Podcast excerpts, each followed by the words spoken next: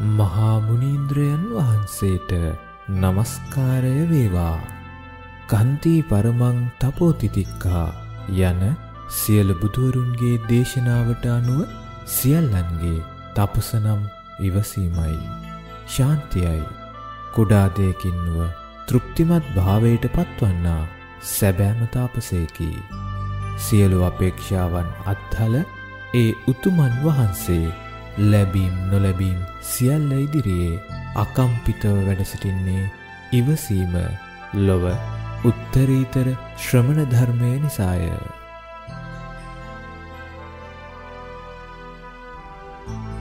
අදත් අපි සාකච්ඡා කරන්න බලාපොරොත්තු වෙන්නේ ජීවිතය යහපත් කරගන්න අවශ්‍ය කරන ප්‍රතිපදාව. දැන් අපි හැමෝම කැමති ජීවිතය නිවැරදි කරගන්න. මං හිතන්නේ මිනිස්සේ ජීවිතයේ වැඩිපුරම මනුෂ්‍යාත්ම භාවයක් ලැබපු කාලය තුළ වැඩිපුරම කාලය යොදවන්නේ තමුන්ගේ ආත්මය නිවැරදි කරගන්න. හැබැයි මිනිස්සෙකුට කරගන්න බැරි වෙන්නේ ඒක. එතන තියෙන ලොකු ප්‍රශ්නයක්. එයා යාගේ ජීවිතයේ වැඩිම කාලයක් එයාගේ නිවැරදි වීම වෙනුවෙන් කැපකොල්ලා. හැබැයි එයාට නිවැරදි වීම වෙනුවෙන් කැප කළාට එයාට නිවැරදි වෙන්න ඉඩක් හම්බ වෙන්නේ එයාගේ ජීවිතය අවසන් කරන්න වෙන්නේ වැරදිකාරයෙක් වශයෙන්. වැරදිකාරයෙක් වශයෙන් අවසන් කරනවා කියලා කියන්නේ තමුන්ගේ මරණයේ අයිතිය තමුන්ට අහිමි වෙනවා. දැන් කෙනෙකුට හිතෙනවා මෙහෙම. මම මගේ ජීවිතයේ අයිතිය ගන්න මරණයේ අයිතිය. මරණයේ අයිතිය ගන්නවා කියන්නේ යාගේ සසර අවසන්. මං ඒකට මොකද්ද කරන්න ඕන? කියලා කෙනෙක් ගවේෂණය කරන්න පටන් ගන්නවා. එතකොට එයා ගවේෂණය කරන්නේ කිසිවක් නෙමෙයි මරණයේ අයිතිය ලබා ගැනීමට ගවේෂණය කරනවා. ඒක තමයි අපි කියන්නේ විමුක්තිය සොයනවා කියලා. එයා විමුක්තිය සොයනවා. ගැලවීම සොයනවා. සදාතනික සහනය ශාන්තිය සොයනවා. දැන් මේම කෙනෙක් විමුක්ති මාර්ගයේ ගවේෂණය කරන්න පටන් ගන්නවා. විමුක්ති මාර්ගය ඒ බ්‍රහ්මචර්යාව පියවර තුනයි. මුල් පියවර, මැද පියවර හා අග පියවර. එතකොට කෙනෙක් නිවන් දකින්න නම් මේ පියවර තුන හරියට කරන්න ඕන. දැන් අපි කියවනේ මිනිස්සු උඟා කාලය කැප කරනවා කියලා තමුන්ගේ විමුක්ති මාර්ගය වෙනුවෙන්. එතකොට මේ විමුක්ති මාර්ගය වෙනුවෙන් කාලය කැප කරන මිනිස්සු අර පළවෙනි පියවර හොයනවා. හැබැයි තව පියවර කීයක් තියෙනවා? තව දෙකක් තියෙනවා. 100ක් පළවෙනි පියවර හොයන්න આવොත් දෙවෙනි පියවර හොයාගන්නේ 40ක් විතර. තුන්වෙනි පියවර හොයන්නේ හතර දෙනෙක් විතර.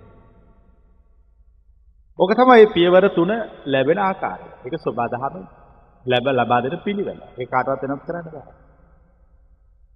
දැන් අපි හැම කෙනෙක්ම තමුන් ගැන ගැඹුරට කල්පනා කරගෙන ගියොත් මේ කියන දේශනාවල් වලට හොඳින් සවන් දුන්නොත් තමුන්ගේ අඩුපාඩු දුර්වලකම් නිහතමානීව දැක්කොත් එයාට පුළුවන් එක දෙක කරන්න පුළුවන් දෙක තුන කරන්නත් පුළුවන්.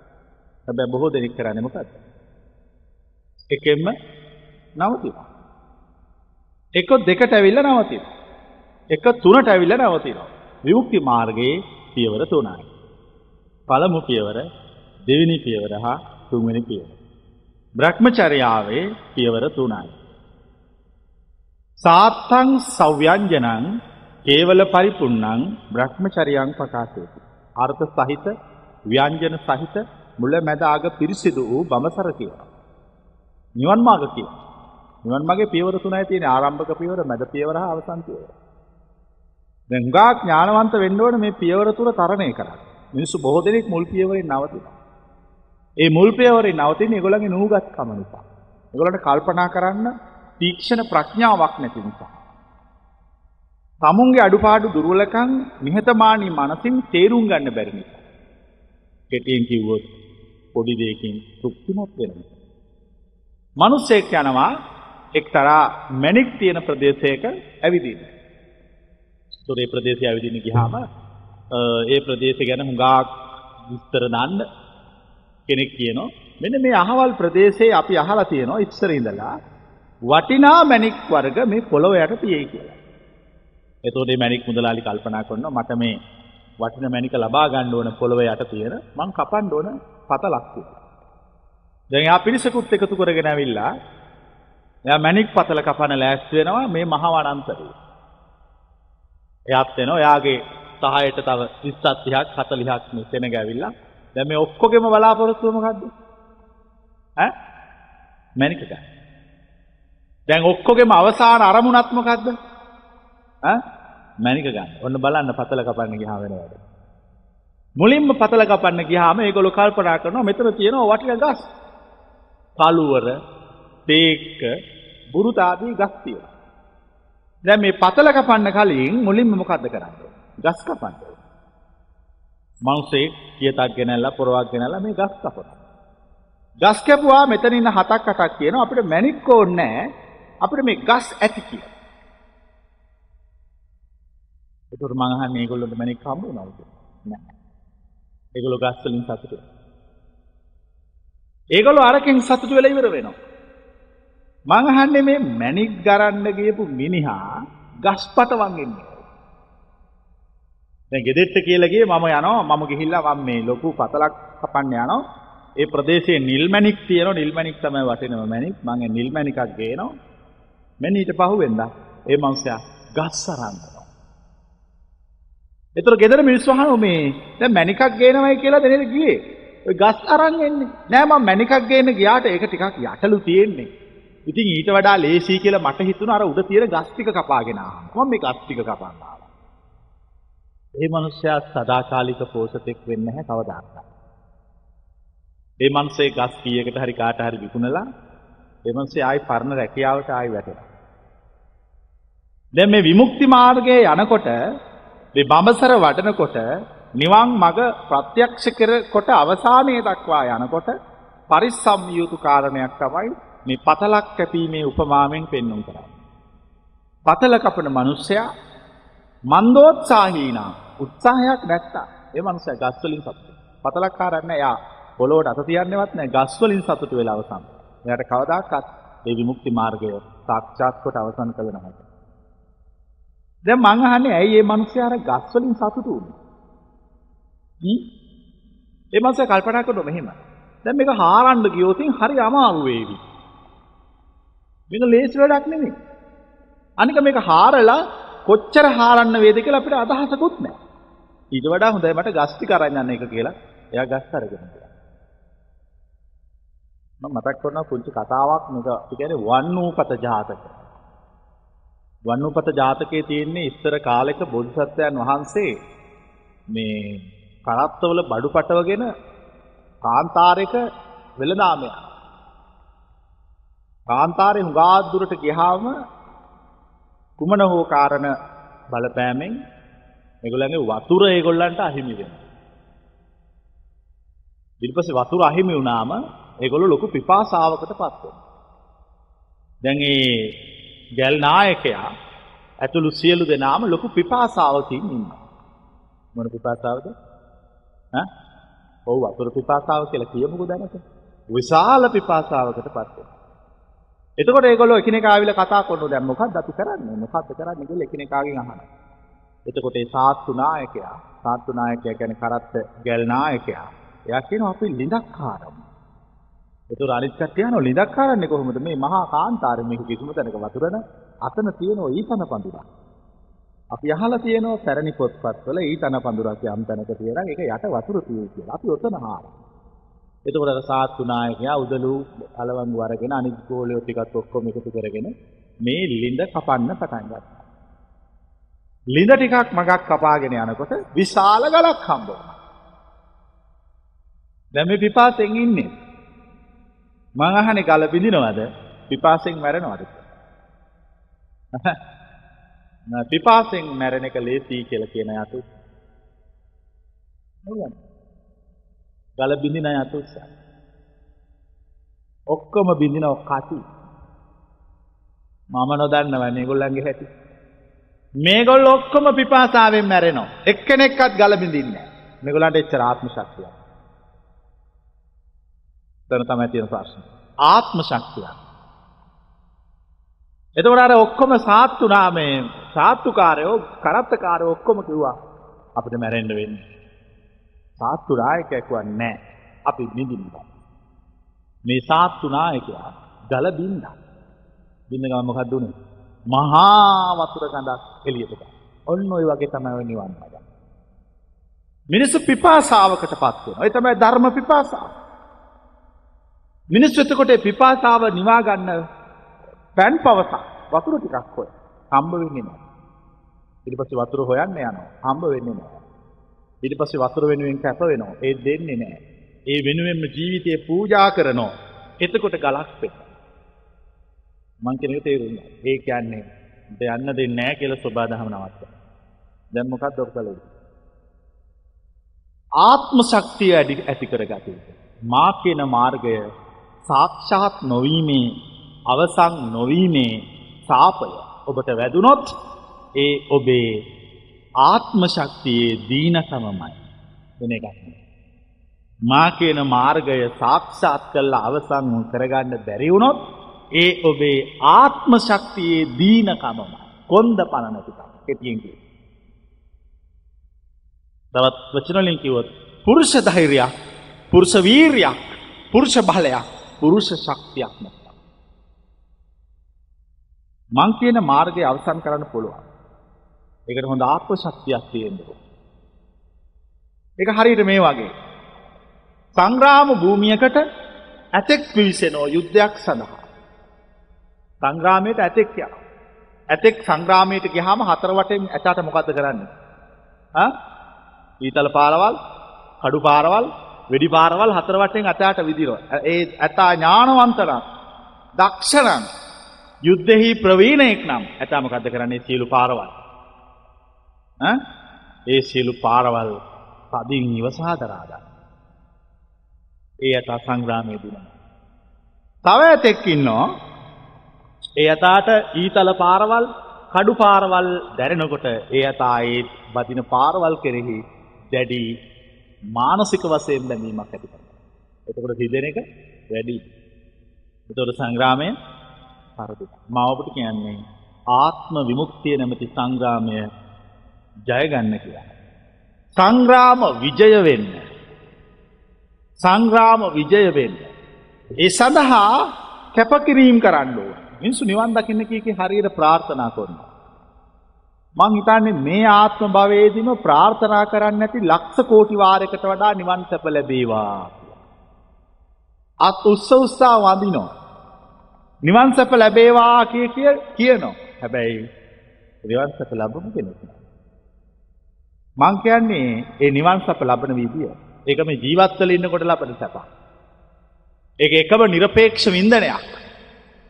ඒ নিরপেক্ষ වින්දනය දක්වා ගමන් කළ යුතු මාවත. ඒක හරියට අහගන්න ඕනේ. වැරදියට අහන්න එපා. අර දැන් අපි පතලක් කැපීමේ උපමාව කිව්වා. මිනිස්සු පතලක් කපන්න ගියා. පතල කපන්න කලින්ම ගස් කැපුවා. එතකොට සමහර මිනිස්සුක අපිට මේ ගස් හොඳයි කියලා ඒගොල්ලෝ ගස් තරන් ගියා. අනිත් එක තමයි මේ ආධ්‍යාත්මීය ජීවිතය කියන මැණික් පතල හාරන්න පටන් ගත්තාම ඒකේ පතුලෙම තමයි වටිනම ගල් තියෙන්නේ. ආධ්‍යාත්මී ජීවිතය කියන මැණික් පතුලේ පතුලෙම තමයි වටිද මේවා තියෙන්නේ. දැන් මිනිස්සයා අර පතලක් කපන්න ගිය මිනිස්සයා ගස් දැක්කාම ගස් වලින් සතුටු වුණා. ඒ කියන්නේ එයා ආධ්‍යාත්මී ජීවිතය භෞතික සුඛ විහරණයකට යොදාගත්තා. දාගන්න එපා කොයි වෙලාවක. එයා ඒකෙන් දැන් අපි මේ මේ දහම කවුරු හරි ඉගෙන ගන්නවා. එයා ඒ දහම ඉගෙනගෙන ඒ දහම හොඳට පාඩම් කරගන්නවා. ඒ දහම දේශනා කරනවා ඊට පස්සේ. එහෙම දේශනා කරනකොට එයාට සමාජයේ වටපිටාවක් පෞරුෂයක් හැදෙනවා. එයා ඒකෙන් සතුටු වෙන්න පටන් ගත්ත ගමන් ගස් කපන්නෙක්ද ඔහු මැණික්කාරන්නෙක්ද? ඈ? ඔහු ගස් කපන්නෙක්ද? ගස්කාරයෙක්ද? මැණික්කාරයෙක් වෙන්න. ඒක ගස් කප කපනවා. අන්තිමට කපපු ගස් කරේ තියාගෙන තමයි යන්න වෙන්නේ මැණික් නැතුව හිස්සක්. දැන් මේ අයටත් ඕක වෙනවා. දැන් සමාජය තුළ මේ දහමට හැදෙනවා වටපිටාව පිළිගැනීමක් හැ. මේගොල්ලන්ටත් කොහොමත් යනේනමන් නැතුව පිළිගැනීමක් නැතුවන ඉන්නේ. එතොර මේගොල්ල කල්පනා කොන්නෝ ආ මේක හොඳයි. දැම් මට මේකට ගිහිල්ල එකතු නෝතින් මට පුළුවන් නැති පිළිගැනීමක් මේකින් හදාගන්න. මන් දැන් ඔක්කොම වැඩ නවත්තලා මට පිළිගැනීම හදාගන්න අවශ්‍ය නිසා මං මේ දහම ප්‍රගුණ කරනවා. ඒක මොකක් කරනවද පතලක් කාරණවද ගස් කපනවා. ගස් කපනවා. එයාට කවදාකත් අර පතුලි තියෙන නිල්මැණිකි අයිතිකාරයෙක් තම ලබන්න හම්බෙන්නේ. මා ඔබට කියන්නේ අහුවෙන්න එපා ඒකට. හැබැයි මම දන්නවා මේ ඉන්න අයගෙන් වැඩිම පිරිසක් ගස් කපනවා මිසක් මැණික් හරන්නේ නැති බව. ඒක තමයි ලෝකේ හැමදාම සිදුවෙන යථාර්ථය. අකමැත්තෙන් වුණත් පිළිගන්න. ඒක තමයි යථාර්ථය. මැණික් හරන්නේ කවුරුවත් ගස් කපන බොහෝ දෙනෙක්. 99ක් විතරම කරන්නේ ගස් කපන එක. ඥානවන්ත මිනිස්සයා විතරයි මැණික හාරලා එයාගේ සංසාර විමුක්තිය පිණිස අවශ්‍ය කරන විමුක්ති මාර්ගය සොයාගෙන සසර අවසන් කරා. අනික් හැමෝම එක එක තැන්වල තම තමන් හිතන යහපත්යයි කියලා තමුන්ට පෙනෙන ඒ වෙලාවටද තරේ තියාගෙන. ඒතකොට ඒගොල්ලේ මාර්ගය වරද්ද ගන්න. ඊටාම ඥානවන්ත වෙන්න ඕන. ඊටාම ඥානවන්ත වෙන්න ඕන. ඊටාම දූරදර්ශී වෙන්න ඕන. ප්‍රඥාවන්ත වෙන්න ඕන. මේ මාර්ගයේ ගමන් කරනවා. නැත්නම් ඉතින් ඔක්කොම එකතු වෙලා මොනවයි කපන්නේ? ගස් කපනවා. ආවේ මැණික් කාරන්න. නමුත් කපන්නේ ගස්. ඒගොල්ලෝ ගස් කපලා කරේ තියාගෙන. කිසිම වෙලාවක තමුන්ගේ ආත්ම සුඛ විහරණය වෙනුවෙන් බුද්ධ වචනය පාවිච්චි නොකළ යුතුය. මොකක්ද ඒකේ? ආත්ම සුඛ විහරණය වෙනුවෙන් බුද්ධ වචනය පාවිච්චි නොකළ යුතුය. බුද්ධ වචනය දීලා තියෙන්නේ තමන්ගේ සදාතනික අසහනය නිවාගෙන විමුක්ති මාර්ගය ප්‍රත්‍යක්ෂ කළ සතර අවසන් කරගන්න. යම් කිසි කෙනෙක් ඒ සසර අවසන් කරන්න දීපු බුද්ධ වචනය තමුන්ගේ භෞතික සැප සම්පත් වෙනුවෙන් යොදා ගන්න. තමුන්ගේ කීර්තිය වෙනුවෙන් යොදා ගන්න. තමුන්ගේ වටපිටාව හදා ගන්න. තමුන්ට සමාජය තුළ වටිනකමක් හදාගන්න ඒ බුද්ධ වචනේ පාවිච්චි කළොත් ඒ සාපය ඔවුන්ට වටින. මේ සාපයක්. මේ වචන පාවිච්චි කළ යුතු එකම එක දෙයක් සඳහා පමණයි. මොකක්ද ඒකම එක දෙයක්? දුක නිවා ගැනීම සඳහා පමණයි. නිර්වාණ ධාතුව ප්‍රත්‍යක්ෂ කිරීම සඳහා පමණයි. වෙන කිසිවකට මා කිව් වචන පාවිච්චි නොකළ යුතුය. කවුරු හරි කෙනෙක් පාවිච්චි කළොත් එයාට ආත්ම ගණනක් ඒ සාපය ගෙවන්න සිද්ධ. දුක්ඛ නිවන්න විතරයි පාවිච්චි කරන්න. සමාජය තුළ වටිනකමක් හැදෙනකොට මිනිස්සුන්ගේ පුරුද්ධ තමයි ඒ වටිනකම හැදෙන එක ඉක්මනට ගිහිල්ලා ගන්න. අරගෙන ඒකෙන් එක එක ඒවා හදලා ඒවා දාගෙන ඒවෙන් සැරසිලා ඒවා අරගෙන යනවා යාට වටිනකමක් හදාගන්න. එයා නිවන් දකින්නේ නැහැ. එයා නිවන් මගෙන් අයින් වෙලා වෙන මගක යනවා. අඤ්ඤා ලාභූප නිසා අඤ්ඤා නිබ්බාන ගාම. හොඳ කල්පනාවෙන් අහන්න ඕනේ. කල්පනාවෙන් සවන් දෙන්න. කල්පනාවෙන් අඩුපාඩු දකින්න ඕනේ. තමුන්ගේ අඩුපාඩු තමන් දකින තරමට තමයි තමුන්ගේ නිවැරදි භාවය. තමුන්ගේ අඩුපාඩු නොදකින කෙනා හැමදාම මැණික් ගරන්නේ ගස් කපනවා. මං කියන්නේ ගස් කපන්නෙක් වෙන්න එපා කියලා. මැණික් ගරන මිනිස්යන් අතරත් නිල් මැණික් ගරන්නෙක් වෙන්න. වෙන බාල මැණික් වල අයිතිකාරයෙක් බාල මැණික් ගරන්නෙක් වෙන්න. බොහෝ දෙනෙක් මේ මාර්ගයේ යනකොට මාර්ගයේ අවසන් නොකර මිය යනවා. ඒකට එකම හේතුව ඔන්න ඔච්චරයි. දැන් මම ප්‍රශ්නයක් අහනවා. මං කව පියවර තුනයි. මුල් පියවර, මැද පියවර හා අවසන් පියවර. මොකද මුල් පියවර? මුල් පියවර තමයි අන්ත දෙකත් මධ්‍යත් තේරුම් ගැනීම. ඒක තමයි මාර්ගයේ මුල් පියවර. මේ මාර්ගයේ දෙවෙනි පියවර තමයි ලෞකික වූත් ලෝකෝත්තර වූත් මිශ්‍ර ජීවිතය. මේ මාර්ගයේ අවසාන පියවර තමයි එකම নিরপেক্ষ නිර්වාණ වින්දනය. එච්චරයි. මොකද පියවර තුන? පළමු පියවර තමයි අන්ත දෙකක් මධ්‍යත් තේරුම් ගැනීම. මේක මේ මේ නිවන් මඟ වෙන විදිහකට කිව්වා. පියවර තුනකින් කිව්වා. ඒ නිවන් මඟ ප්‍රත්‍යක්ෂ කරන කෙනෙකුට එක පියවරකින් දෙකකින් තුනකින් හතරකින් පහකින් හිතෙන්නේ කුමක්ද හිතන විදිහකට කියන්න පුළුවන්. ඕන විදිහකට දේශනා කරන්න. පියවර තුනකින් කිව්වා තේරුම් ගැනීම පහසුව. මුල් පියවර මොකද්ද? අන්ත දෙකත් මධ්‍යයක් තේරුම් ගත්තා. අන්ත දෙක තේරුම් ගත්තා මධ්‍ය තේරුම් ගත්තා මධ්‍යයෙන් අයින් වුණා. එයා මුල් පියවර අවසන්. දැන් ওই මුල් පියවර අවසන් කරපු අය මෙතන ඉන්නවා. දෙවෙනි පියවර තමයි ඊට පස්සේ ආ ලෝකෝත්තර වූත් ලෞකික වූත් මිශ්‍ර ජීවිතයක අයිතිකාරයෙක් වෙනවා. මේ දෙක මෙයා තුළ වැඩ කරන්න පටන් ගන්නවා. එයා වර එක ලෝකෝත්තරයි. වර එක ලෞකිකයි. සමහරලාට එයාගේ ආධ්‍යාත්මය තුළ ලෞකිකත්වයේ බලය ගන්න සමහරලාට. අර ආණ්ඩු මාරු වෙනවා වගේ පක්ෂ මාරු වෙනවා. සමහර වෙලාවට ලෝකෝත්තරත්වයේ බලය. මේක මාරු වෙවි යනවා. ඒක තමයි මේ පියවරේ වැඩිම කාලයක් ගත වෙන පියවර. මුල් පියවර කරගත්තත් බොහෝ දෙනෙක් දෙවෙනි පියවර කරන්න. අපි කිව්වා මුල් පියවර කරන අයගෙන් 100කින් දෙවෙනි පියවර කරන්නේ 40යි. දැන් තුන්වෙනි පියවර තමයි නිර්වාණ මාර්ගයේ අමාරුම කෑල්ල.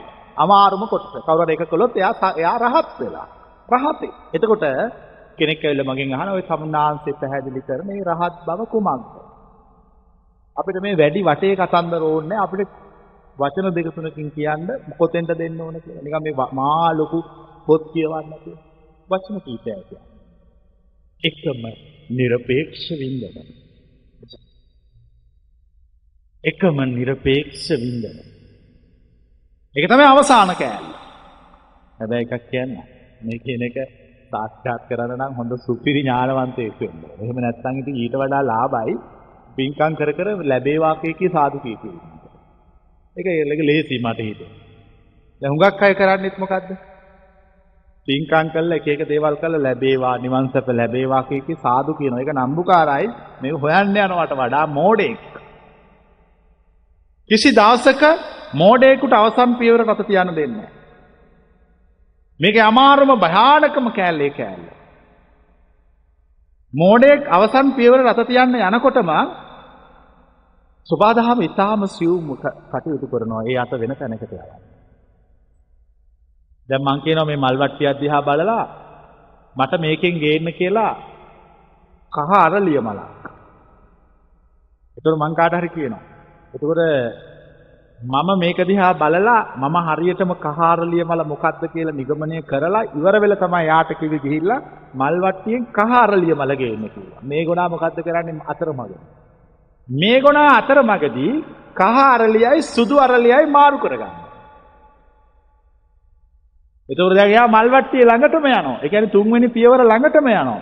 ගිහිල්ලා අරලිය මලක් ගන්නවා. මොකක්ද අරන් සුදු අරලිය. මං ගේන්නේ කියේ මොකද්ද? කහ අරලිය. දැන් එයා අරලිය මල ගත්තනේ. එයා දැන් ගොඩාක් සතුටු වෙනවා. මං හරි මං කහරලිය මලක් මං ගත්තා දැන් මං උන්වහන්සේ කියපු විමුක්ති මාර්ගය මං අවසන් කළා. දැන් මගේ සසර ඉවරයි. මම දැන් රහතෙක්. මං විමුක්ති මාර්ගය අවසන් කළා. මං නිවන් දැකලා. නිවන් දැක්ක බව පේන්නේ ඊළඟ ආත්මෙ ඉපදුනා. ඉනාවෙවි නට නට උඩ පැඩ පැඩ ඔක්කොම කර කර ඉන්නෝ. කාට හරි නිවන් දකින්න ඕන නම් මේ මනුස්ස ලෝකේ ඉන්න මිනිස්සු අතර. ඒ නිවන් දන් ඒ නිවන් දකින්න විදිය දන්න එකම එක ජීවමාන මිනිහා මමයි. දෙවන්නේක් නැත. කහාරලිය මල මොකද්ද? සුදු අරලිය මල මොකද්ද කියලා මං හරියටම දන්නවා. මං ඔබට උපදෙස් දුන්නේ කහාරලිය මලක් ගේන්න කියලා. ඒ උනාට ගෙනාවේ සුදු අරලිය මල. දැන් මේ සුදු අරලිය මල රැගෙන එයා හිමිකර ගැනීමත් සමඟ ඔහුගේ විමුක්ති මාර්ගය අවුල් වෙලාද නැද්ද. නෑ. එවෙන කොහොම. ඒ ඔහු සුදු අරලිය මල අරගෙන මල් ළඟට වුණා. ඔන්න බලන්න වර්ධින් නැති විදිය. ඔහු සුදු අරලිය මල අරගෙන මල් ළඟට ඇවිල්ලා මට කියනවා ඔබ වහන්සේ කහාරලිය මලක් ගේන කිව්වා. මං ඒ මල් වට්ටිය දිහා බලලා බලලා ලස්සනම කහාරලිය මල අරගත්තා. මෙන්න බලන්න මේකේ ලස්සන. මං එතකොට මොකද්ද කරන්නේ?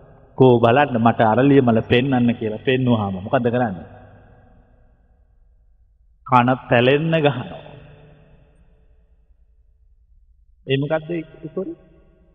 ගේන්නක අරලිය මල කහරලිය මල එය අරලිය කහ එයාගේ කහරලිය මල ගෙනෑවා. ගෙනල්ල පෙන්වා මෙන්න කහරලිය මල මං ගෙනෑව කියලා. ටස මං කනට ගැහුව එයාගේ. එතකොට හනෝ ඇයි මගේ කනට ගහන්නේ?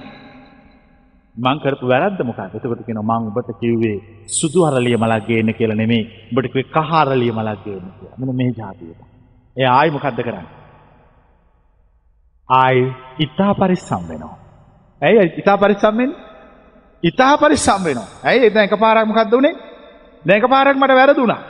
මං උන්වහන්සේ කියපු එක මම තේරුම් අරගෙන තියෙන වැරදි විදියකට. ලෝකේ හැමදාම ওই විමුක්ති මාර්ගයට වෙන පටලවිල්ලක් තමයි කියන එක නෙවෙයි වෙන එකක් තේරුම් ගන්න එක. ලෝකේ හැම පහළ වෙන හැම බුදු කෙරෙක්ම කියන උපමාවක් තියෙනවා. කිංසුකෝපමාව. කිංසුකෝපමාව කියලා කියන්නේ කෑලගසේ උපමාව. ඒක හැම බුදු කෙනෙක් මේ උපමාව කියනවා. ඇයි ඒ කියන්නේ මොකද ඒ උපමාව ඒ උපමාවෙන් හරි එත ඒ මාර්ගය ගැන කියන්න පුළුවන්. කිංසුකෝපමාවේ තියෙන්නේ මිනිස්සෙකුට වෙද මහත්තයෙක් ලෙඩක් හැදිලා ඒ මනුස්ස ළඟට ගියාම ඒ මනුස්සට කියනවා කෑල ගහේ පස්පංගු අරගෙන තම්බල බොන්න කියලා. ඒ පාණ්ඩු රෝගය. ඒතකොට මේ මනුස්සයා කෑල ගහක් දැකලා නැහැ. මනුස්ස වෙද මහත්තයන් අහන වෙද මහත්තයෝ කෑල ගහ මොන වගේද කියලා. ඒතකොට වෙද මහත්තයාට මතකයි ශීත කාලයේ කෑල ගහ. වෙද මහත්තයා කියනවා අලුම අලු පාටයි ලොකු කඳක් තියෙනවා එච්චරයි කියලා. අතු බෙතර බෙදිලා තියෙනවා කොළ මුකුත් නැහැ කියලා. හැබැයි මේ මනුස්සයා වසන්ත කාලයේ තමයි ජීවත් වෙන්නේ. ඔහු වසන්ත කාලයේ ජීවත් වෙමින් කැලේ යා ගිහිල්ලා අර කියපු සුදු සුදු පාට කඳක් තියෙන අතුපතර විහිදිලා තියෙන කොළ නැති ගහක් හොයනවා. ඔහුට කැලේ ගහක් හම්බ වෙන්නේ නැහැ කවදාකවත්. ඊට පස්සේ ආයෙ වෙද මහත්තයාය හම්බෙලා ආන වෙද මහත්තයා මං හොයන්න ගියා වෙද මහත්තයා කියපු જાතිය ගහක් ඒම ගහක් තිබුණ ඇතකට වෙත මහත්තර මතක් වෙනවා යාට පොඩ්ඩක් වැරදුනා. මෙයා තේරුම් ගත්ත විදිහත් ප්‍රශ්නයක්. ඒ එතකොට එයා කියනවා නෑ වැරදි කෑල ගහ කියලා කියන්නේ ඒකේ හරියට මල් පිපුණාම මස් එල්ලලා වගේ මස් කුට්ටි තැන් තැන් වල. අන්න ඒ જાතියයි මේම උස මහතයි කියලා හැඩරුව එතකොට සීත කාලය. සීත කාලයේ වනාන්තරයකට බහැපු මේ මිනිහා මස් එල්ලලා වගේ මල් පිපිලා තියෙන කොළපාට අතුපතර විහිදිච්ච ගහක් හොයනවා.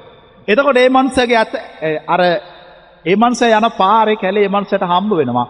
සුදු පාට කඳ තියෙන ගස් ඒ මනුස්සය නිගමනය කරනවා මේක නෙමෙයි කැලේ ගහක් කියලා. එයාට වෙද මහත්තයා කිව්වේ ඔබටත් මේ මාර්ගයේ යනකොට ওই ප්‍රශ්නයන්ට මුහුණ දෙන්න සිද්ධ වෙනවා. හරි පරිස්සමින් යන්න. හරි පරිස්සමින් යන්න ඕන. මැණික් ගරන්න ගිහිල්ලා ගස් කපන්න ලෑස්ති වෙන්න එපා. මැණික් ගරන්න ගියා නම් මැණික් ගරන්න. ගස් කපන්න ගියා නම් ගස් කපන්න. මේවා මාරු කරගත්තාම හරි අමාරුයි මේ ආධ්‍යාත්මීය ගමන අවසන් කරන්න. අවසන් කරන්න බෑ. එහෙම ඉඩ දෙන්නේ නැහැ සබදාම අවසන් කරන්න. දැන් අපි පරිස්සමින් දැන් ආය අර මං යනවා මැණික් පතලේ උපමාවට. දැන් ඔන්නේ මේ මනුස්සයා ගස් කපලා දැන් කට්ටියක් එතනකෝ අපිට මැණික් ඕනේ අපිට මේ ගස් තිබුණාම ඇති. ඒගොල්ලෝ ගස් ටික පටවගෙන යන්න ගියා. ඊට පස්සේ තවත් කට්ටියක් කව කමක් නැහැ ඒගොල්ලෝ ගස් පටවගෙන ගියානේ. අපි මැණික් ගරමු කියලා ඒගොල්ලෝ නැවත මැණික් පතල හාරන්න පටන් ගත්තා. ටිකක් හාරගෙන යනකොට ඒගොල්ලන්ට හම්බ වුණා සුදු පාට පස් මකුළු කියලා අපි ඒවට කියනවා. ඒතර ඒගොල්ලෝ කල්පනා කළා අපිට මේ මැණික් ගර කර ඉන්න ඕනේ නැහැ මේ මකුළු කොච්චර ලස්සනද මේවා හරි වටිනවා. අපි මේවා විකුණමු ගෙනහිල්ලා. ඒගොල්ලෝ අර මකුළු ඔක්කොම පටවගෙන ඒගොල්ලෝ ට්‍රැක්ටර් ගෙනල්ලා ලොරි ගෙනල්ලා ඒගොල්ලෝ මකුළු පටවගෙන යන්නේ. දැන් මැණික් ගරන්න ආපු අයගෙන් ඉන්නේ ටික දෙනා. තවත් ටිකක් දුරට මේ පතල හාරනොලේ. මම මේ ඔබට කියන්නේ මේ මැණික් පතලක් උපමා කරගෙන මේ මේ මේ මග වඩන්න ගියාම මිනිස්සු අතරමං වෙන ආකාරය. ඒ අතරමං වෙන්නේ එකම එක හේතුවයි බලපාන්නේ ආත්ම ශක්තිය නැතිකම. ඉවසන්න බැරිකම. මාර්ගය අවසන් කරන්න දෙන්නේ ඉවසීම තියන අය කෙනෙකුට විතරයි. කාන්ති පරමං තපෝ තිතික්කා. මේ ලෝකේ පවතිනා වූ එකම ශ්‍රේෂ්ඨම උත්තරීතර ශ්‍රමණ ධර්මය ඉවසීමයි. කන්ති පරමං තපෝ. කන්ති පරමං තපෝ. ශාන්තිය තමයි පරම තපස. ඉවසීම තමයි එකම මහනකම් ඊට වඩා එකක් නැහැ ලෝක. එතුරු කවුරුවර කෙනෙක් කලිසන්සර්ට් ඇඳගෙන හරි මහා ගැඹුරු ඉවසීමක ඉන්නවනං ඔහු කවුද කන්ති පරමං තපෝ. කවුද ඔවු තපසෙක් තපස් කරනවා. ඔහු ඉවසීමට පත් වනානං යම් මනුෂයෙක් ඒ ඉවසීමට පත්වෙච්ච සියලු මනුෂ්‍ය වර්ගයා තපස් කරන. නිවන් නිවන හොය. නිවන් සැප හොයන. දැන් අර කට්ටියක් මකුළු අරන් ගියා තව හාරනකොට දැන් වතුර එන්න පටන් ගත්තා. ඒත් මිනිස්සු කල්පනා කළා මේ වතුර පිරිසුදු. අනික දැන් මේ වතුරාහම එකෙන් අපිට කියනවා කවදාකවත් මේක යටට හාරන්න බෑ කියලා. ආ ඉතින් අපි මේ වතුර ටික අපි අරගමු ගෙනහිලා මේ වතුර කාට හරි විකුණලා අපි ජීවත් වෙමු අපිට මැණික් ඕනේ නැහැ කියලා ඒගොල්ලෝ වතුර බීලා වතුර පටවගෙන වතුර පුරවගෙන යන්න කියලා. දැන් මං අහන්නේ මේ පතල පාරලා ඉවරද කියලා. නැහැ පටන් ගත්තා විතරයි තාම. ආධ්‍යාත්මීය ජීවිතයට කෙනෙක් බහිනවා කියන්නේ එහු මැණික් කරන්න යන වගේ වැඩක් කරන කෙනෙක්. සාමාන්‍යයෙන් කෙනෙක් මැණික් ගරන්න ගියාම මේ මැණික් ගරන අය තුඟාක් ඉවසිල්ලෙන් ඉන්න ඕන. ඉවසීම නැති කිසිම කෙනෙකුට මැණික් පතලකට බහින්නත් බෑ. ලොකු පටලැවිලි හදාගන්න. ඉවසීමක් නැති කිසිම කෙනෙකුට ගලක් හම්බ වෙන්නේ නැහැ. ඒගොල්ලෝ මගදී සතුටු. ඔන්න දැන් තව හාරන්න පටන් ගත්ත තව හාරගෙන යනකොට පතලක හවු වෙනවා එක එක පාට පාට ගල් එක එක තිරුවානේ ගල් ඒවා මේවා කෑලි අහු වෙනවා. ඒතර අර මැණික් කරන්න ආපු මිනිස්සු කල්පනා කරන දැන් ඒගොල්ලන්ට ටිකක් මහන්සි. ඒගොල්ලන්ට ටිකක් දැන් එපා වෙලා මේක හාරලමයි මේ ගස් කපාගෙන කොච්චර හැරුවද මේක ඉවරයක් නැතුව හාර හාර හාර හාර ආව දැන් නම් එපා වෙලා තියෙන්නේ. ඔය මැණික් ඕනේ නැහැ. ඔන්න ඔය හම්බ වෙන ඔය ගෙවුඩ කෑලි අරෝ මේවා රබහා තිරුවානේ ගල් පල්ලිංගු අපි ඔය ටික අරගෙන. ඒගොල්ලෝ කරන්නේ මැණික් ගරන්න නැතුව ඒගොල්ලෝ අර ගෙවුඩ කෑලි රබහා තිරුවාන පලිංගු ඔය වගේ පොඩි පොඩි පොඩි ගල් ಜಾති එකතු කරලා ඒවා ගරලා ඒවා මේවා මඬු වල දාගෙන ඒගොල්ලෝ යනවා. කීප දෙනෙක් විතරක් කල්පනා කරනවා දැන් අපේ මුල මාපු අය අපිත් එක්ක. අපිත් එක්ක මුලින් මාපු අය ඒගොල්ලෝ ගස් කපාගෙන ගියා. මොකද ඒගොල්ලන්ට ඉවසීමක් ඥානවන්ත භාවයක් කලබල නැති කමක් තිබුණ නැහැ මේ මාර්ගය මේ මැණික දක්වා එන්න. ඊට පස්සේ අපිත් එක්ක ආපු අය මකුළු අරන් ගියා. සුදු පස් අරන් ගියා. ඊට පස්සේ අපිත් එක්ක ආපු අය කොටසක් වතුර අරන් ගියා. ඊට පස්සේ අපිත් එක්ක හිටපු අයගෙන් කොටසක් ගෙවුඩ කෑලි අර තිරුවානෙගල් පල්ලිංගු අරන් ගියා. දැන් අපි කුමක් කරමුද? මැනික දක්වා බසිමුද නැත්තං අරගොල්ලො ගියා වගේ අපිත් මේ ගෙවුඩ කෑලි ටිකක් තිරුවාන ගල් ටිකක් පලිඟු ටිකක් සතුතු වෙන. ඔවුන්ට ප්‍රශ්නයක් කිය. ඇයි ඔවුන්ට ප්‍රශ්නයක් කිය. මේතාක් වෙච්ච සිද්ධිත් එක්ක අර සියලුදේ ඔවුන්ට පෙනුණා. නමුත් මේ යට මැනිකක් තියයි කියන එක කටවත් පේන්න. එතකොට ඔවුන්ට සැක ඇති වෙන්නේ දැකපු දේවල් කෙරෙහිද නොදැකපු මැනික කෙරෙහිද. ඔවුන්ට සැක ඇති වෙන්න පටන් ගන්නවා නොදැකපු මැනික කෙරෙහි. ඒත් මා ඔබට කියනවා අපි අර මැනික් ගරන්න කලින් අර මිනිහෙකුගෙන් අහගත්තා ඊතර මැනික් තියේ කියලා. එයා එසේ මෙසේ කෙනෙක් නෙමෙයි. එයා ඒ ගැන හොඳටම දන්නේ කියලා. එතකොට මේ පතල් කාර්යය කියනවා නෑ අපි හාරමු. කමක් නෑ. අපි මහන්සි ආරෙමු ඉස්සෙල්ලා. අපිට යන්න නිදාගම්මු. අපි මොනහරි කමු. අපි වතුර ටිකක් බොමු. අපි ඇගේ පතේ මහන්සිය ටිකක් අඩු වෙනකන් ඉම්මු. ඊට පස්සේ අපි ආය හාරමු. ඔහොම ඉඳලා ඒගොල්ලෝ නැවත අර වල හාරන්න පටන් ගන්නවා. නැනික නෑ. ඒම හාරගෙන යනකොට විශාල කළු ගලක් හම්බ වෙනවා. දැන් එතකොට ආයිත් මොකද්ද වෙන්නේ? මන්දොත් සම්බ. සෝබාදහම ඔබව පරීක්ෂා කරයි. සුබාදහම ඔබ පරීක්ෂා කරයි මැනික දීම සඳහා. මැනික දිය යුත්තේ වඩාත්ම ශක්තිවන්තයාටය. මක් නිසාද. දුරුවලෙක් අතට මේක පත් වුනොත් ඒ දුරුවලයාගෙන් තව හොරෙක් මේක දැහැගන්න පුළුවන්. ඒ නිසා දුර්වලයෙකුට මැනිකක් ස්වබාදහම දෙන්නේ. දුන්නොත් දෙන්නේ ශක්තිවන්ත හිතක් තියෙන මනුස්සේ. මනුස්සයක හිත ශක්තිවන්තද කියලා බලන්න නම් කොමද බලන්නවා. අපි හරි ලේසි හිත ශක්තිවන්තද කියලා බලන්න ඕන විපතකට කරදරයකට මුහුණ දීලා හිත තියෙන විදිය පරීක්ෂා කරන්න.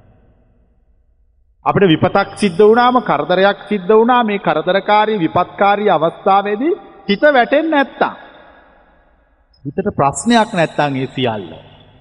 එයාගේ හිත හයියයි. හිත ශක්තිමත්. මනස තුල චලනයක් නැහැ. ස්වභාව දෙකක් නෑ එක ස්වභාවයකට හිත පත් කරලා. තමුන්ගේ මාන්නක්කාරකම තමුන්ගේ උද්දච්චකම තමුන්ගේ ඇතුළෙන් එනකොටම ටක්ගාලා ඒ මොහොතෙහිම එක් තනයෙහි තේරුම් ගන්නවා මං මාන්නක්කාරයි මං උද්දච්චයි මං වෑයන් කරනවා මම කියල කෙනෙක් හදාගෙන ඒක නඩත්තු කර. එවැනි කිසිම කෙනෙකුට මැනික නොලැබේ. ඥානවන්ත මනුස්සයා පියවරෙන් පියවර මොහොතින් මොහොත දවසෙන් දවස පැයෙන් පැය කරන්නේ මැනික් මැනික ගවේශණය කොරමින් සිටිනවා. හුඟාක් ඉවසනෝ. ඉවසීමේ උපරිමයට යනෝ. ඉවසීමේ උපරිමය තුළ නිර්වාණ ශාන්තිය පවතින. ඉවසීමෙහි උපරිමය තුළ නිර්වාණ ශාන්තිය පවතින. නිවන් සැප තියෙනවා. දැ නිවන් සැප හම්බවෙන්න ඇත්තේ කලබල නිසා. නිවන් සැප කෙරෙහි ඇති දැඩි ආශාව ඔබට නිවන් සැප ලබා නොද. ආශාවල් අත්තරින්න නිවන් සැප කෙරෙහි තිය ඇති පවා. සියල් අත්හර ඉවසීමෙන් නිදහසේ ජීවිතයට මුහුණ දෙන්න. ඔබ නොදැනුවත්ව නිරායාසයෙන් ඔබේ සිත ඒ නිර්වාණ සාන්තිය කරායයි. එකම නිරපේක්ෂ වූ වින්දනය කරායයි. ඒ එකම නිරපේක්ෂ වින්දනය කෙනෙක් ලැබුවොත් ඒ නිරපේක්ෂ වින්දනය ලැබූ මොහොතේ පටන් එය තීව්‍ර වෙනවා මිසක් අඩුවන්නේ නැත කිසිදාන්න. තීව්‍ර වී අවසන් වූ කල ඔහු රහත් බව ප්‍රත්‍යක්ෂ කොට ඇත. මාකිව් මාර්ගයද අවසං කොට ඇත. ඔහුට නැවත උපතක් නැත. ඒ ඔහුගේ අවසාන උපත. ඔහු සදාකාලික ශාන්තියට සදාකාලික නිවීමට සදාකාලික සංහින්දියාවට පත් වූ ඇත. නැවත සසර කිසි දවසක නූපදින තත්ත්වයට පත් වූ ඇත. ඔහුගේ මරණයද ජරාවද උපතද අවසන් කොට. ඕකයි නිවන. හැබැ එන්න බැරි වෙලා තියෙන එක එක දේවල්වලට ගිහිලා හිත හිර වෙන. එක එක තැන්වල ගිහිලා හිත පැළපතියම් වෙනවා. තමුන් හැමවිටම තමුන් කියලා මම කියලා කෙනෙක් තමුන්ගේ ඇතුලාන්තේ නඩත්තු කොන්න. ඒ නඩත්තු කොන්න විතරක් නෙම යාට වටිනකන් දෙනවා. ඒ වටිනකම් දෙනවා විතරක් නෙම යත් එක ඇවිදින්නත් යනවා. කාත් එක දැවිදින්නයන් මම එක්ක. ඇවිදින්න යනෝ විතරක් නෙම යාව සතුටු කරනවා. සතුටු කරනෝ විතරක් නෙමේ සතුටු කල් යාව පෝෂණය කරනවා. සතුටු කල්ල පෝෂණය කරන විතරක් නෙමේ පෝෂණය කළ සතුටු කල් ආරක්ෂා කරනවා. ආරක්ෂා කරන විතරක් නෙමෙයි අනාගතයට ආරක්ෂා වෙලා ඉන්න කියල උපදෙස් දෙන. කෞද මේ ඔක්කොම ටික කර. ඔබ මේ දේ සියලු දේ කරන තාක් නිවන් සැප ඔබෙන් දුරස් වෙනවා. කෙනෙකුට සැබෑවටම නිවන්සැප ඕනනම්. කෙනෙකුට සැබෑවටම නිවන අවශ්‍යනං ඔහු මා මේ පෙන්වන මාර්ගයේ ආයුතුය. කැමැත්තෙන් හෝ අකමැත්තෙන් හෝ දෙකෙන් මොකෙන් ගියත් මට කමන්නේ. කැමැත්තෙන් යන්නත් පුළුවන් අකමැත්තෙන් යන්නත් පුළුවන්. දැන් අපි ලෝකෙ කරන හැමදේම අපි කැමැත්තෙන් කරන්නේ අපි විභාගයට පාඩම් කරනවා.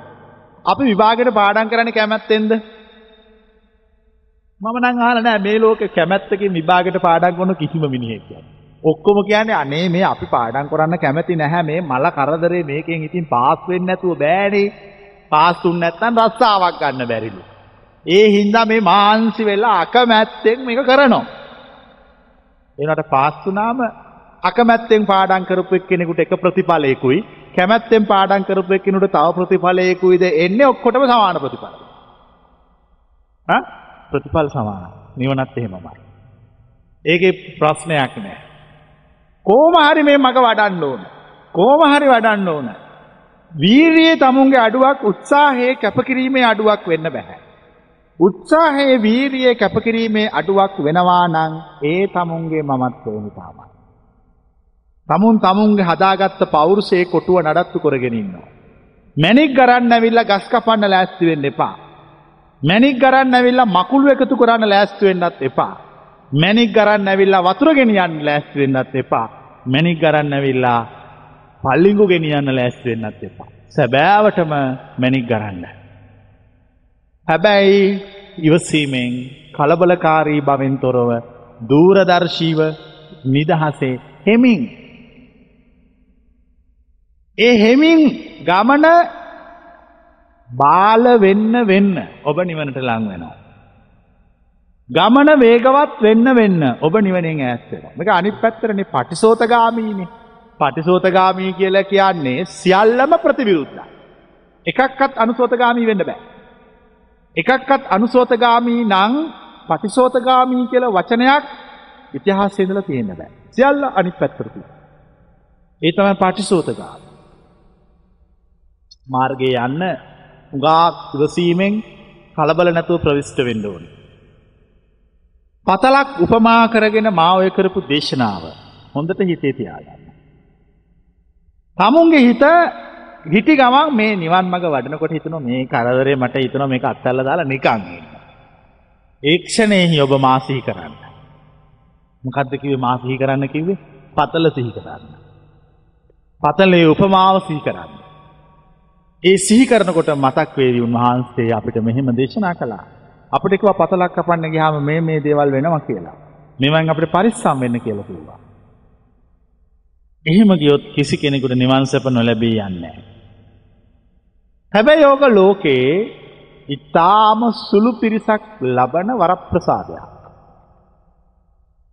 ලෝකේ රජකම කියන එක බොහෝ පිරිසක් ලබන වරප්‍රසාදයක්. මැති ඇමති තනතුරු බොහෝ පිරිසක් ලබන වරප්‍රසාද. පූජක තනතුරු බොහෝ පිරිසක් ලබන වරප්‍රසාද. නායක මහානායක අනුනායක තනතුරු බොහෝ පිරිසක් ලබන වරප්‍රසාද. ඒත් නිර්වාණ ශාන්තිය සුළු පිරිසක් ලබන වරප්‍රසාදයක්. මාවපට කියන්නේ සුළු පිරිසක් අතර වරප්‍රසාද ලබන්නෙක් වන්නේ ඇතියා. සුළු පිරිසක් අතර වරප්‍රසාද ලබා ගැනීම සඳහා වෑයම් කරන්න කිය. ඒ වෙනුවෙන් කටයුතු කරන්න කියා. ඒ මාර්ගයේ වඩන්න එක ගියොත් පටන්ගත්තොත් අවසන් කරන්න. අතර මැද නැවැත්වීමක් නැත.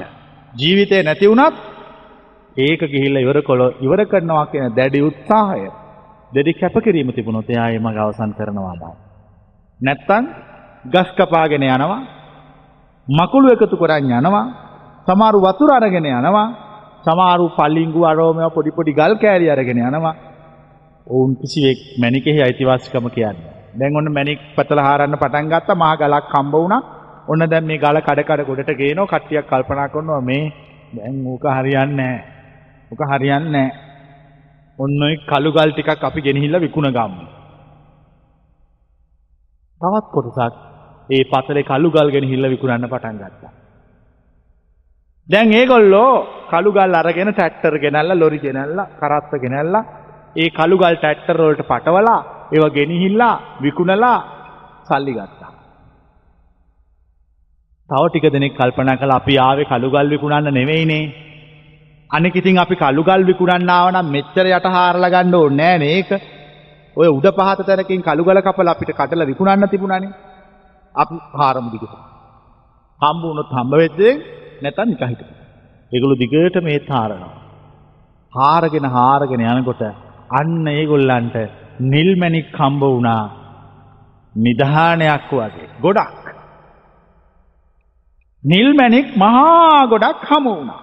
හැබැයි හමු වුණාට ගන්න කෙනෙක් නැහැ. ඇයි? ඈ? ඒත් ආපු කට්ටිය ඔක්කොම ගියානේ. ගස් කපන් ගියා, මකුළු අරන් ගියා, වතුර අරගෙන ගියා, ඊළඟට අර පලිඟු අරගෙන ගියා. තව කොටසක් කළුගල් අරගෙන ගියා මෙන්න දැන් නිල් මැණික් පිරීලා. දුනට ගන්න කෙනෙක්. ඔබටත් වෙන්නේ ඕක. මේ මාර්ගයේ යනකොට. අවශ්‍යතාවය නැතිම වෙලා ගිය තැන හම්බ වෙනවා. දරු මතක තියාගන්න. අවශ්‍යතාවය නැතිම වෙලා ගිය තැන හම්බ වෙනවා. අවශ්‍යතාවය තියෙන අන්තිම මොහොත දක්වාම නොලැබී සිටිනවා. අවශ්‍යතාවය තියෙන අන්තිම මොහොත දක්වාම නොලැබෙනවා. අවශ්‍යතාවය නැති වුණාම හම්බ වෙන. ගොඩක් හම්බ වෙන නිකම් මේ මුළු ප්‍රදේශයම නිල් මැනි. එතකොට ඒ ඉන්න කීප දෙනා ඒගොල්ලන්ට පුළුවන් ප්‍රමාණය ගන්න. ඒගොල්ලන්ට පුළුවන් ප්‍රමාණය විතරයි ගන්න. පච්චස්සං වේදිතබ්බෝ වින්නේ. ඊට වඩා ගන්න බෑ.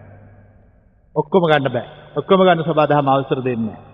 ඒ යාගේ අතේ ප්‍රමාණයට, ඇඟේ ප්‍රමාණයට, හිතේ ප්‍රමාණයට විතරයි ඒගොල්ලන්ට සෝබාදහම අවසර දෙන එක තමයි ඒගොල්ලන් ලබන අවසාන විමුක්තිය. ඒක තමයි නිවන් සැප. එච්චරයි. දැන් ඒ වුණාට ඔය පතලේ උපමාව හොඳට ඇහුවා. ඒක හොඳට දැන් මතකයි. මට අවශ්‍ය ඕක අහලවත් ඕක මතක තියාගන්නවත් නෙමෙයි. ඔය මැනික් ගරන තැන දක්වා තනි හිතින් එක හිතින් එක අධිෂ්ඨානයකින් දෙහිතක් නැතුව ගමන් කරන්න ඕ සැබෑවටම නිල් මැනිකෙහි අයිතිය ගන්න ඕය. මේ හිත් දෙකක් ඇතුව ගියොත්. මොකද හිත් දෙකක් ඇතුව යනවා කියන්නේ. හිත් දෙකක් ඇතුව යනවා කියන්නේ මේ දෙපැත්තක් ගවේෂණය කර කර ඉන්නවා. විකල්පයක් ජීවිතයට තියෙනවා. දැන් අපි මල් කඩන්න යනවා. අපි හිතාගෙනනවා අද අපි කඩාගෙන එනවා වතු සුද්ධ මල් කියලා. එදා වතු සුද්ධ මල් නෑ. මං ආන්නේ හිස් අතින් එනවද අරලිය මල් කඩන් එනවද? ඔබලන් හිස් අතින් එන අය අත උස්සක්.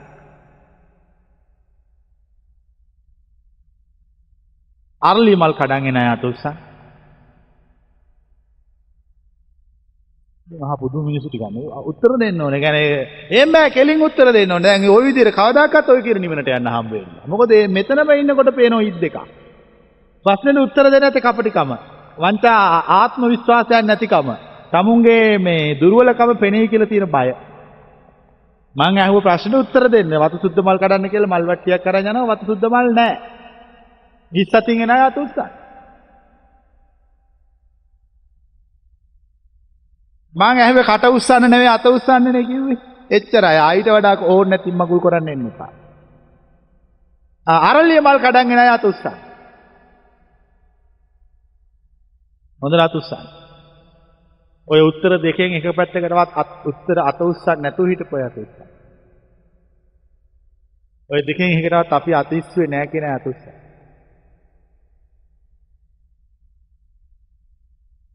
මම කියන්නේ හිස්සතින් එන එක හොඳයි කිය. අදහස් වෙනස් කරන්න. මොනව ගේන්නද ගියේ? ඈ මංගේ වතු සුද්ධ මල් ගේන්න. මං වෙනස් කරන්නේ නැහැ මගේ අදහස. වතු සුද්ධ නැත්තම් මං හිස්සතින් වෙනවා. එයා කල්ප සොයන්න. එයා හරි ශ්‍රේෂ්ඨයි. අන්න එයා විතරයි නිවන් දකින්නේ. දැන් මෙතන හිස්සතින් ආපු කී දෙනාද අතිස්සුවේ? හත් අට දෙනෙකුට වඩා අතිස්සුවේ නැහැ නේ. ඉතින් හරිනේ. ඉතින් මං කියපේක හරි. ඒක කිසි දවසක වචනේ බොරු කරන්න බෑ. ඒකට අහු වෙන්න හිතා ගන්න බැරි වෙනවා. දැන් තේරුණා නැහුවෙච්ච විදිය? හැමෝම හිතුවා අපෝ අපරාධනේ. දැන් සමහරු කටත් ඉස්සුවනේ. උස්සල කොන අපරාධනේ ඉස්සතින් එන එක මල් පුරෝගෙන එන්න පුළුවන් නේ කියලා. එවුන් එක එක්කත් මං කියන තැනට එන්නේ ඒගොල්ලෝ හැමදාම ජීවිතේ විකල්ප හොයනවා. ඒගොල්ලෝ විකල්ප හොයාගෙන යනකොට ඒගොල්ලන්ට පේනවා මේ ඔක්කොම විකල්ප වලට වඩා හොඳයි නිවන් දැක්කනම්. ඊට පස්සේ ඒගොල්ලෝ නිවන විකල්පයක් වශයෙන් සම්මත කරගන්නවා. ඊට පස්සේ ඒගොල්ලෝ නිවන සොයන්න යනවා. නිවන සොයන්න යනකොටම මාරයා දන්නවා මෙන්න මෙයා නිවන සොයන්න ආවා. මෙයා නිවන සොයන්න ආවේ විකල්පයක් හොයන්න ඕන නිසා වහාම තව දෙවෙනි විකල්පයක් මෙයා ඉස්සරහම අවන්න කියනවා. දෙවෙනි විකල්පයක් දැක්ක ගමන් ඒගොල්ලෝ මොකද්ද කරන්නේ? හිස්සතින් එන්නේ වතු සුද්ධ කඩන්න ගිහිල්ලා අරලි අරන් එනවා. ඒ කියන්නේ ඕන් කිසි කෙනෙක් නිවන් දකින්නේ නැහැ. දකින්නෝ වගේ වෙනව විතරයි. දැන් මං කියන එක තේරුණාද? හ්ම් දැන් අහුවෙච්ච යත උස්සන් අපි ඔබ වහන්සේගේ මායාවට අහු වුණා. අපිට බැරි වුණා ඔබ වහන්සේ කියපු තැනට ළඟා වෙන්න. අත උස්සන් අත උස්සන්. අපිට බැරි වුණා තමුන්නාන්සේගේ වචන හරමෙන් අපි පෙරදුනා. හොඳට මතක තියාගන්න නිවනත් ඔය වගේ නෑ. තනි හිතක් තිබ්බොත් එක හිතක් තිබ්බොත් එක විශ්වාසයක් තිබ්බොත් එක බලාපොරොත්තුවක් තිබ්බොත් එක මාර්ගයක් එක නිවනක් එකම විකල්පයක්. සොයන්නෝ පමණක් මා කිව් තැනට යන්න ඕන. අනික් සියල්ලෝම අතරමැද අතරමැද ගමන නවත්තන. අතරමැද නවත්තන. ඒ කියන්නේ ඒගොල්ලෝ මේ නිවන් දකින්න ඇවිල්ලා නැහැ විකල්පයක් හොයන්න ඇවිල්ලා. අර දුකට විකල්පයක් හොයනවා. එතකොට දුකට විකල්ප ඉතින් ඕන තරම් තියෙනවනේ. දැන් මිනිහෙක් ගේ ඇඟේ අමාරුව තියෙනවා. එතකොට මේ මනුස්සය කල්පනා කරනවා මම ඇඟේ අමාරුව නැති කරගන්න ඕනේ. ඒ මනුස්සය කල්පනා කරනවා මං ටිකක් නිදා ගන්න ඕනේ. තමන්සේ කියනවා මම බොන්න ඕන ඇඟේ අමාරුවට. තමන්සේ කියනවා මම ඇඟේ තෙල් ගා ගන්න ඕන. විකල්ප ගොඩයි. විකල්ප ගොඩක් තියෙනවා. හැබැයි මම කියන්නේ එකම එකක් හොයන්න කියලා. එකම එක මාවතකට එන්න කියලා. එකම එක දහමක් ගවේෂණය කරන්න කියලා. කිසි වෙලාවක ජීවිතේ විකල්ප තියාගන්න එපා කියලා.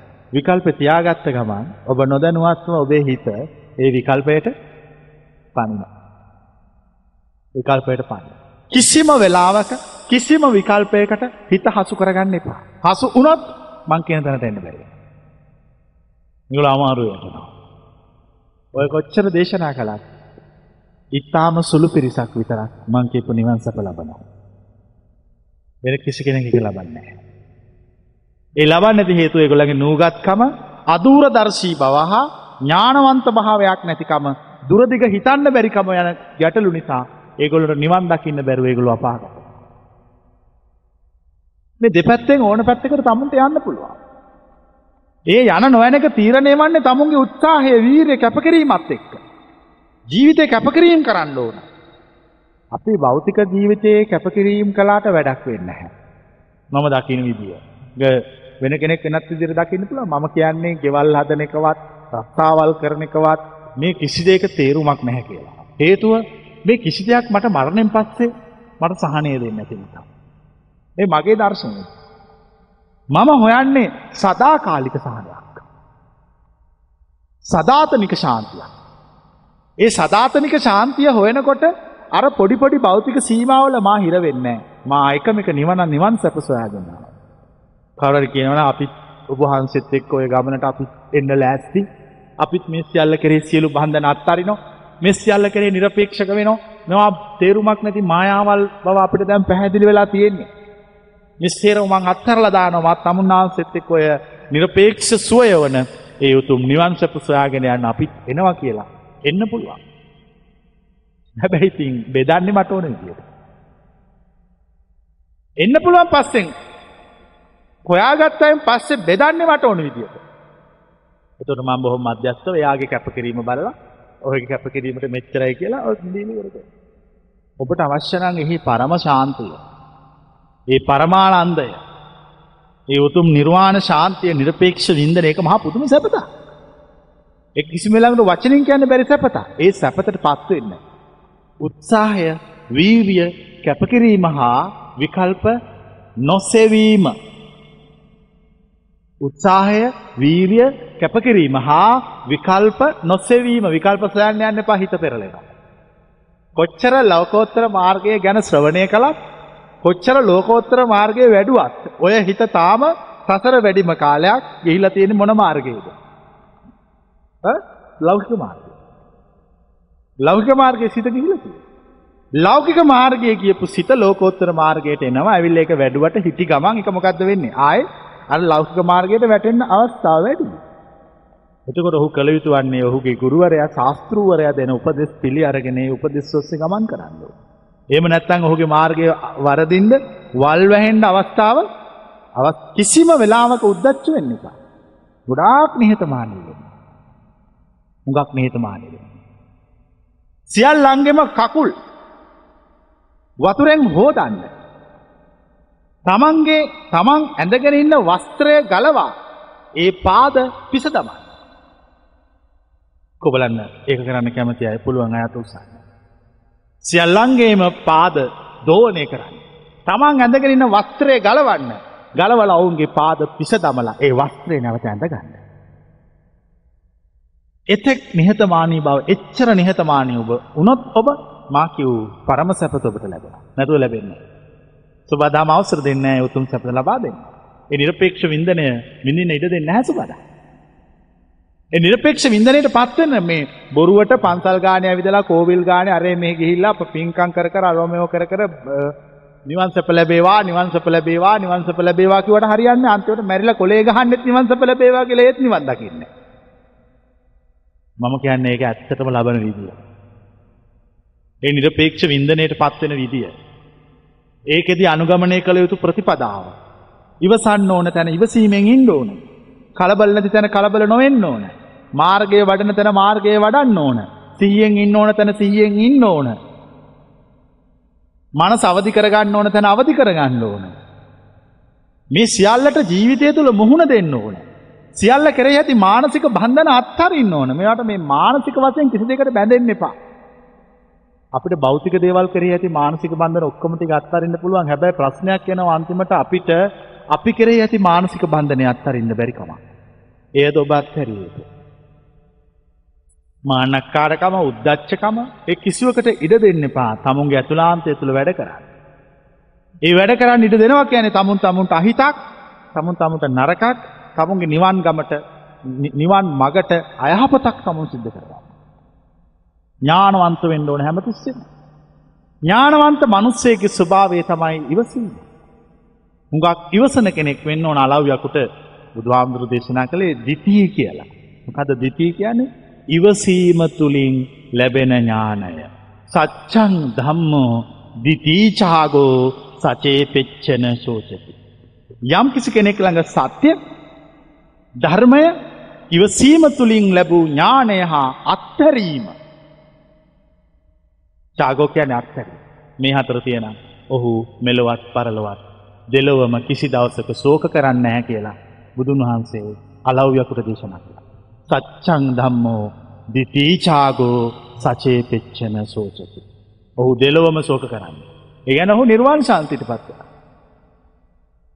ඒ නිර්වාණ සාන්තියට පත්වෙන්න නම් ඔය මැනික් පතලේ උපමාව හොඳට මතක තියාගන්න. ඒ මැනික් පතලේ උපමාව හොඳට මතක තියාගෙන තමුන් මෙහි ගවේශණය කළ යුතු මැනික් මිසක් ගස් කපණ්ඩවත් පස් අතින්ඩවත් වතුර ගේන්ඩවත් ගල් කඩන්ඩවත් පල්ලිගු ඇහිඳින්ඩවත් යන මෝඩෙක් වෙන්න එපා. නිල් මැනිකක අයිතිකාරයෙක් වන්න. නිල් මැනිකක අයිතිකාරයෙක් වෙන්න නම් සැබෑවටම ඇත්තටම මේ මාර්ගය මුලත් මැදත් අගත් තුම්පල වඩන්න. සාත්තං සෞයන්ජනං කේවල පරිපුන්නං බ්‍රහ්මචරියන් පකාසයකි. මේ ලෝකයේ ඒ නිරපේක්ෂ වින්දනය ලබන්න යම් මාර්ගයක් තියෙන. ඒ මාර්ගය ඉතාමත්ම පරිපූර්ණ වශයෙන් දේශනා කලාවට. යන නොයනක ඔබේ වැඩක්. තවත් කියන්න දෙයක් නැහැ. යම් කිසි මාර්ගයක් තියරං ඔය නිර්වාණ ධාතුව සාක්ෂාත් කළන්න. මේ වෙනකොට ඒ මාර්ගයේ සියල්ලු කරුණු කාරණා දේශනා කළ අවස. සියලු කරුණු කාරණා දේශනා කළාව. දැන්තියනෙ ගමන් කිරීමයි. ඉන් අනතුරුව ඉතුරු වෙලා තියෙනෙ ගමන් කරනකොට එන්න ප්‍රශ්නවලට පිළිතුරුදීම පමණ. මෙතෙක් කලක් ලෝක කාටවත් කියන්න බැරිවුණ නිවන් සැප මොනවගේද කියලා. කිසිම ගෙනකට කියන්න බැරි වුණ කිසිම පොතක තිබුණෙත් නෑ නිවන් සැප මොනවගේද කියලා. නිවන් සැප තුළ තියෙන්නේ නිරපේක්ෂ වින්දනයක්. ඒක දන්නේ ඒ උතුම් සැප ප්‍රත්‍යක්ෂ කරපු ආර්යන් වහන්සේලා පමණයි. වෙන කිසිම කෙනෙකුට ඒකට අයිතිය දෙන්න ස්වබාදා. දැන් ඒකත් කිව්වා. එකැන මුලත් කිව්වා මැදත් කිව්වා අගත් කිව්වා. ඒකැන බඹසර සම්පූර්ණ. ඔන්න ඔය බඹසර තමයි ලෝකෙ කාලෙකට සැරයක් අවුරුදු දහස් ගානකට සැරයක් පහළ වෙන පරිපූර්ණ බ්‍රහ්මචරියාව. යම් කිසි කෙනෙක් මේ දෙසු මහලා මේ බඹසර වැඩුවොත් යාගේ සසර සම්පූර්ණය මතුරුදහන් වෙලා ඔහුට අවසාන උපත්තිය අයිති කරගෙන ඔහු රහතුන් අතර කෙනෙක් බවට පත්වෙනවා. ඒ නිරපේක්ෂ වින්දනයෙහි අයිතිවාසික මොහොත ලැබෙන. ඔබට නිරපේක්ෂ වින්දනය අවශ්‍යනං ඔබ මේ මඟ වඩන්න. මුල වඩන්න. මැද වඩන්න අවසානය සාක්ෂාත් කරන්න. නිරපේක්ෂ වින්දනයට පත්වෙන්න. ඒ නිරපේක්ෂ වින්දනය තුළ සියල්ල ඇත. ඒ නිරපේක්ෂ වින්දනය තුළ සියල්ල ඇත. සියල්ල ඇති තැනකට යන්න. සියල්ල නැති තැනකට නොය. සියල්ල ඇති තැනකට යන්න නම් සියල්ල කරේ ඇති මානසික බන්ධන සියල්ල කරේ ඇති මානසික බන්ධන අත්තැරී ගමන් ඔබට සියල්ල ලැබෙනවා ඇත. ඔබට යමක් නොලැබී පවතිනවානං නොලැබෙන් එකම හේතුව කුමන හෝදයකට ඔබේ සිත බැඳී තිබෙන බව විතරක් නිහතමානීව තේරුම්වා. යම් කිසි විදියකින් ඇති සියල්ල කරේ ඇති සියලු මානසික බැඳීම් අත්තැරුණොත් ඔබට සියල්ල ලැබෙනවා ඇත. සියල්ල ලැබෙනවා යනු නිරපේක්ෂ වින්දනය හෙවත් නිවන් සැප ලැබීමනවා. එච්ච. ඔය උතුම් නිවනට පියවරෙන් පියවර යන්න. පියවරෙන් පියවර යන්න. පියවරෙන් පියවර යන කෙනෙකුට හෙමින් ගමන් කරන කෙනෙකුට ඉවසීමෙන් යන කෙනෙකුට නිරපේක්ෂ වින්දනයට පත්වෙන්න අවස්ථාව ස්වබාදහම දායාද කරනවා. ඒ දායාදය අයිතිකාරයෙක් වෙන්න. මැනික් ගරන්ඩ ගිහිල්ල ගස් කපන්න ලෑස්වෙන්න එපා මැනික් ගරලා නිල් මැනික අයිතිකාරයෙක් වෙන්න අයි හැම දෙනාගන්න.